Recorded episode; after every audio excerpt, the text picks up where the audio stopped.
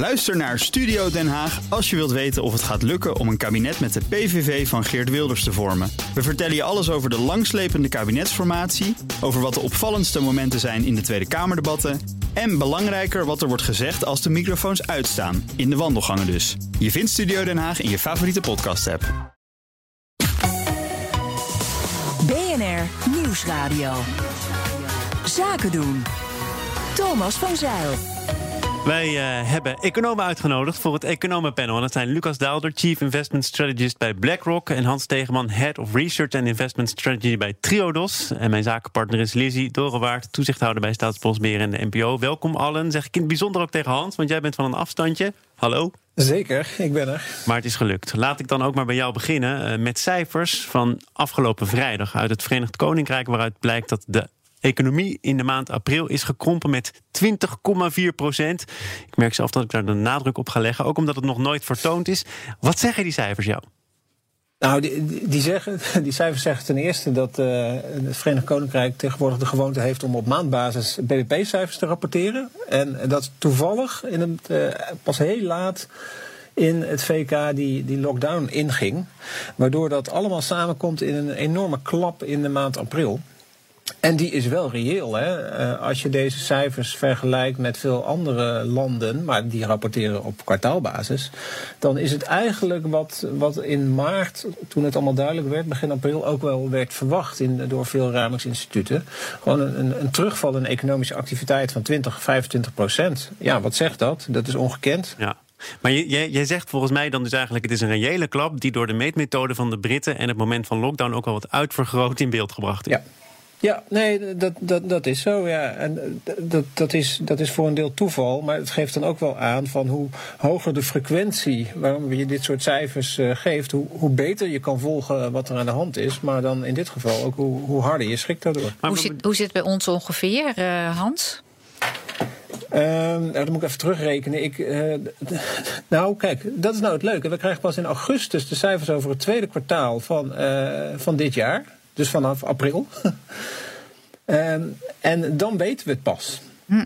En maar we zien aan, aan economische activiteit, en je kan ook een beetje kijken naar de structuur van de economie, dat het, dat het in Nederland ongeveer hetzelfde moet zijn. Uh, geweest. Alleen dan vanaf half maart, dat weten we uit de kwartaalcijfers van het eerste kwartaal. Dan was de teruggang inderdaad heel erg fors. April. En nu zijn we alweer aan het normaliseren. Dus dat, wat, wat we in augustus gaan zien, is dat de klap op kwartaalbasis minder groot is. Maar daarin zit verstopt dat het waarschijnlijk in april ongeveer gelijk was in het Verenigd Koninkrijk. Maar ben jij dus voorstander van een andere meetmethode? Die maandbasis, dat bevalt jou wel? Nou ja, het is wat je wil vertellen. Voor paniekverhalen werkt het goed in ieder geval. Lucas? Nou ja, kijk, eh, maandbasis is dan ook het probleem als iets midden in de maand gebeurt. Dus uh, je kan het uiteindelijk naar dagbasis terugbrengen. Dat schiet, natuurlijk ook niet op. Ik denk, uh, als je weet hoe het BBP wordt berekend, dat gebeurt op basis van allerlei polls en enquêtes en dergelijke. denk ik dat als je de frequentie verhoogt en dus inderdaad naar maandbasis gaat, dat daarmee ook wel een, zekere mate van onzekerheid wordt toegevoegd aan de eh, aan, aan, de berekening van het getal. Dat is één. En twee, als je nu kijkt naar alle, alle statistieken, die hebben ook gewoon echt last van het corona-effect. In die zin dat bepaalde informatie gewoon niet uh, kan worden opgehaald. Omdat er bepaalde prijzen bijvoorbeeld niet tot stand komen. En dat heeft weer tot consequentie dat die 20 vooral die komma 4.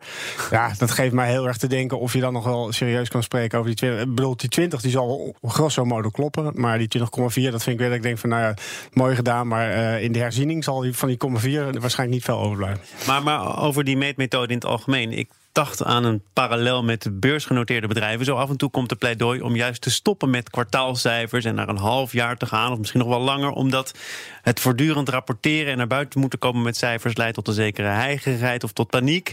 Ja, nou goed, dat is bij, bij bedrijf kan me dat voorstellen, omdat, omdat bedrijf, uh, uh, ondernemen, die kunnen natuurlijk sturen. Die kunnen denken van ja, ik moet nu een target afgeven en ik moet dat nu halen. Bij economie uh, is het in ieder geval niet zo dat er iemand heel erg zijn best zit te doen om dit BBP-cijfer nog een klein beetje bij te schaven, om het toch maar van 20,4 naar 19,8 te krijgen. Dus, dus dat verschil is denk ik wel daar. Uh, bovendien, als je geen kwartaalcijfers, maar halfjaarscijfers gaat, gaat maken, je merkt nu al, en dat doen wij bij BlackRock ook heel erg sterk. We zijn eigenlijk alsmaar op zoek naar nieuwe bronnen van informatie, met name high frequency data. Dus je gaat kijken naar zoekopdrachten, je gaat kijken naar uh, sites waar bijvoorbeeld mensen uh, op, op dagbasis kunnen solliciteren en dergelijke. Dus als jij precies de andere kant op beweegt als overheid, ja, dat maakt niet zoveel uit. In die zin, dan, dan komen er vanzelf alternatieven. En ja, dan kijkt er niemand echt meer goed naar die BBP-cijfers. Lucas, ben jij het eens met Hans dat wij eenzelfde, eenzelfde daling hebben gehad? Dat we in augustus zullen horen? Of was het bij ons beter? Ik hoop nou, dat het antwoord zou zijn dat het bij ons beter was dan die 20% daling. Dat is een heel ander punt. In die zin, ik, ik denk dat het uh, vergelijkbaar is. Ik denk dat het eigenlijk. Een, die, ook hier heb je weer een vraag. Kijk, de, de echte essentie is niet zozeer hoeveel is die daling. Uh, natuurlijk, het doet pijn. En het is voor de historische boekjes is het natuurlijk fantastisch. De echte kern van de zaak is eigenlijk hoeveel schade beklijft. Dus is het een tijdelijke dip en een even hard herstel. Nou, dan, of het nou min 20 of min 30 is, dat maakt niet uit. Uh, dus de permanente schade is heel erg belangrijk. En wat je natuurlijk ook ziet, hoe sterk is de lockdown geweest? Dit is een van bovenaf opgelegde uh, groeivertraging. Als jij de helft van je economie thuis neerzet, ja, dan is de daling min 50 procent. En als jij maar 20% Dus ik vind dat niet zo heel erg spannend. Uh, het belangrijkste is uiteindelijk wat je cumulatief aan schade overhoudt. Nou, laten we zeggen, niet in een kwartaal, niet in een maand, maar over een periode van, laten we zeggen, een jaar. dus dan kom je toch wel weer op die andere frequentie. Mm. Namelijk te, te, veel focus op die hele korte termijn. Dat heeft in dit geval ook niet zoveel zin. Hey Hans, jij hebt wel eens gezegd dat je niet meer zou komen als het weer over de Brexit zou gaan. Want je zou het allemaal wel een keer meemaken. Ja, dat heb ik, dat heb ik inderdaad gezegd, ja. nou, je bent er ook niet, dus ik mag er toch een vraag over stellen. Nee, daar, dat is natuurlijk ook. Nou, ik, ik, ik was aan een tijdje virtueel aan het wenken, maar dat heeft helemaal geen zin, oh, ben ik achtergekomen. Nee, nee, nee. nee, nee. Dat is het nadeel van als, uh, als niet in de studio zitten. Um, nee, ik, ik wilde alleen nog even. Ik kom zo op de Brexit, maar ik wilde ook nog even zeggen over die, over die frequentie van data. Ook in Nederland is er een discussie al een tijdje geweest over ook op maandbasis BBP-cijfers uh, gaan uh, publiceren. En daar ben ik wel erg op tegen. Niet vanwege manipulatie van data of wat dan ook, maar wel de heigerigheid van, een van, van met name de Nederlandse beleidsdiscussie. Want politici zullen dan ook op maandbasis gaan reageren op op economische cijfers die ze gewoon niet in de hand hebben. Dus, dat, dus ik ben blij dat we dat in Nederland nog niet doen. Um, en jij wilde naar de brexit toe en je wilde dat ik er ook nog iets over ging zeggen. Ja, ik denk dat is een eretaakje. Nou, neem me meer omdat ik denk van eh, die uitgangspositie van de Britten... en overigens van ook het continent... maar die is natuurlijk wel een beetje veranderd door de crisis. Je hebt nu een historische krimp van 20,4 procent. Zo, zo, zolang ik die 0,4 nog kan noemen, zal ik het ook zeker doen. Um, wat betekent dit voor de toch al moeizame uh, onderhandelingen en het feit dat die deadline nu wel dichterbij komt. Verandert dat de dynamiek? Nou, dat, dat, is net wat Lucas net, Lucas net ook al zei over hè, de, de, daling, de opgelegde daling is één ding, maar het herstel daarvan is nog veel belangrijker en, en hoe de permanente schade is. En wat dat betreft is het niet eh, opschieten van Brexit-onderhandelingen, met name voor het VK, een, eh, een, een slecht teken. En voor Nederland uh, ook trouwens. Wat zei je? En voor Nederland ook trouwens. Want, uh... voor, Nederland, voor Nederland ook, ja. Nee, ab absoluut. Uh, hè, uh, een van de bronnen van, van een trager herstel of een, of een onvolledig herstel is onzekerheid, fundamentele onzekerheid. Ja, en, en, en Brexit draagt daar niet aan bij. Net als een tweede coronagolf of, of, of wat dan ook. Ja, dat, dat, is, dat is gewoon geen goed nieuws. En, en ja, daarom wil ik het er eigenlijk nooit over hebben, omdat het verder gewoon pure politiek is. Okay. Uh, uh, en dat spel zal de komende maanden nog voortslepen. Nou, en dan uh, met jou wel nemen naar een ander politiek spel, namelijk het steunpakket ter waarde van 750 miljard. dat heeft de Europese Commissie voorgesteld. Hè. Dat moet worden opgehaald op de kapitaalmarkt. 500 miljard wordt beschikbaar gesteld in de vorm van subsidies. en dan zijn er ook nog leningen. maar de vraag is, wie krijgt wat en onder welke voorwaarden? Uh, en er is nu discussie over die verdeelsleutel. Lucas, als jij gewoon een blanco vel papier hebt, wie zou wat moeten krijgen onder welke condities? nou, dat is een goede. Nou, kijk, er zijn drie criteria. Uh, eentje is uh, de grootte van de economie. Dus kijken naar hoeveel inwoners. Dat vind ik logisch. hoe groter de economie, hoe meer recht je op de koek zou kunnen hebben. E twee is hoe, hoe rijk ben je, dus BBP per capita. Hoeveel kan je eigenlijk deze schok aan? Maar de, de grote discussie is rond de derde criterium. En dat is de werkloosheid van de afgelopen vijf jaar, dus van 2015 tot 2019. Ja, en daarvan kan je natuurlijk toch wel enigszins afvragen: wat heeft dat nou in godsnaam met de coronacrisis te maken? Maar doe een poging. Nou, ja, kijk, stel de vraag. Als ik, als ik een, een beetje een, een kwaadwillige poging kan doen, zie ik hierin een, een opdracht aan een stagiair van, nou ja, eigenlijk willen we een verdeelsleutel hebben die laat zien hoe financieel zwak economieën zijn. Dus eigenlijk hoeveel schuld elke economie heeft als percentage van zijn BBP. Dat kan niet, want dan zeg je eigenlijk van nou, degene met de hoogste schulden krijgen het meest.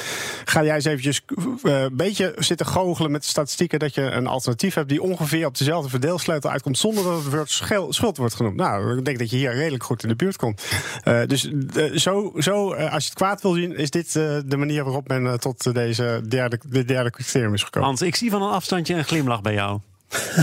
ja, nee, ik, ik, ben het er, ik ben het er helemaal mee eens. Maar kijk, iedereen snapt, dit, dit, gaat, dit gaat natuurlijk over die andere discussie. Uh, willen we landen die er structureel zwakker voor staan, uh, nu uh, een gift gaan geven? Op wat voor, uh, maakt niet uit wat voor criteria. Dat is de reden waarom je dit uh, aan het doen bent. Ja, op, zich zouden we daar, op zich zouden we daar eigenlijk positief in moeten staan, mijn zin. Wij hebben natuurlijk enorm belang als Nederland om te zorgen dat de Europese landen sterker worden. Ehm, dus staan nu een beetje kritisch aan de kant te te zeggen dat we voorzichtig moeten zijn. Maar het zijn allemaal uh, het zijn bedragen met, waar we uh, criteria aan kunnen stellen.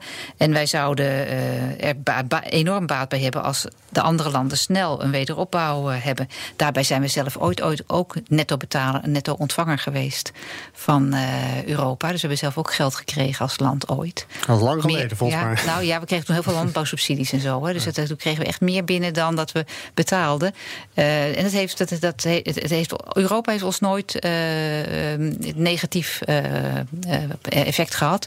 En we zouden dus nu ook veel positiever moeten zijn om het geven niet zo moeilijk moeten doen. Maar de, maar de, de vraag is dan misschien uh, ook toch even naar jou, Hans. Hè. Die landen staan er structureel slecht voor. Uh, dan komt natuurlijk weer de term hervormingen naar, naar, naar, naar, naar boven. En een trojka die misschien toezicht zou moeten gaan houden op wat er dan in die landen allemaal zou moeten gebeuren. Uh, onder welke voorwaarden zouden bijvoorbeeld die zuidelijke landen dan wel aanspraak moeten maken op dat geld? Nou, je, je ziet daarin dat Duitsland echt een hele uh, een draai heeft gemaakt in vergelijking met de eurocrisis. En dat heeft wel te maken met de aard van deze crisis. En dan, heeft het, dan kan je blijven wijzen wat er allemaal structureel mis is. Maar uh, feit blijft, dat wil je de eurozone overeind houden. Dat landen op een gegeven moment wel echt gewoon hulp moeten hebben. Niet in de vorm van leningen met allerlei voorwaarden. Maar ik denk toch echt gewoon giften. Uh, ik denk dat je daar, als je de eurozone overeind wil houden. Mm -hmm. Dat je daar economisch niet, uh, niet, niet onderuit kan is de vraag of dat politiek houdbaar is. Maar kun je tegen Italië is. zeggen, had dan wat gedaan? Want die structureel slechte uitgangspositie van Italië, dat is toch verder geen nieuws? Maar volgens mij hebben ze dat ook gewoon gezegd, toch? Ja. het werd dan niet in dank afgenomen, weet ik. Maar uh, nee. het is in elk geval wel gezegd. Dus uh, ja, uh, ja, dat blijft natuurlijk wel een spanningsveld hier. ga je, ja, als je het slecht wil zien, ga je slecht gedrag belonen of niet? Dat is de vraag. Kijk, ik vind het eigenlijk logischer als je zegt: dit is een schok van buitenaf, niemand kan hier iets aan doen. Dan vind ik ook eigenlijk dat je steun moet verlenen op basis van die schok van buitenaf. Dus vind ik dat je wat meer schuld, wat meer mag steunen aan landen die zwaar getroffen zijn door de crisis. En of, of daarmee dus die werkloosheid van de afgelopen vier jaar naar zo'n of vijf jaar naar zo'n goed verdeelmechanisme is. Nou, dat kan je inderdaad dan wel sterk afvragen. We zouden toch ook um, in Italië premier Conte moeten helpen uh, en hem ook een uh, gezicht goed, weg moeten laten komen met uh, deze giften.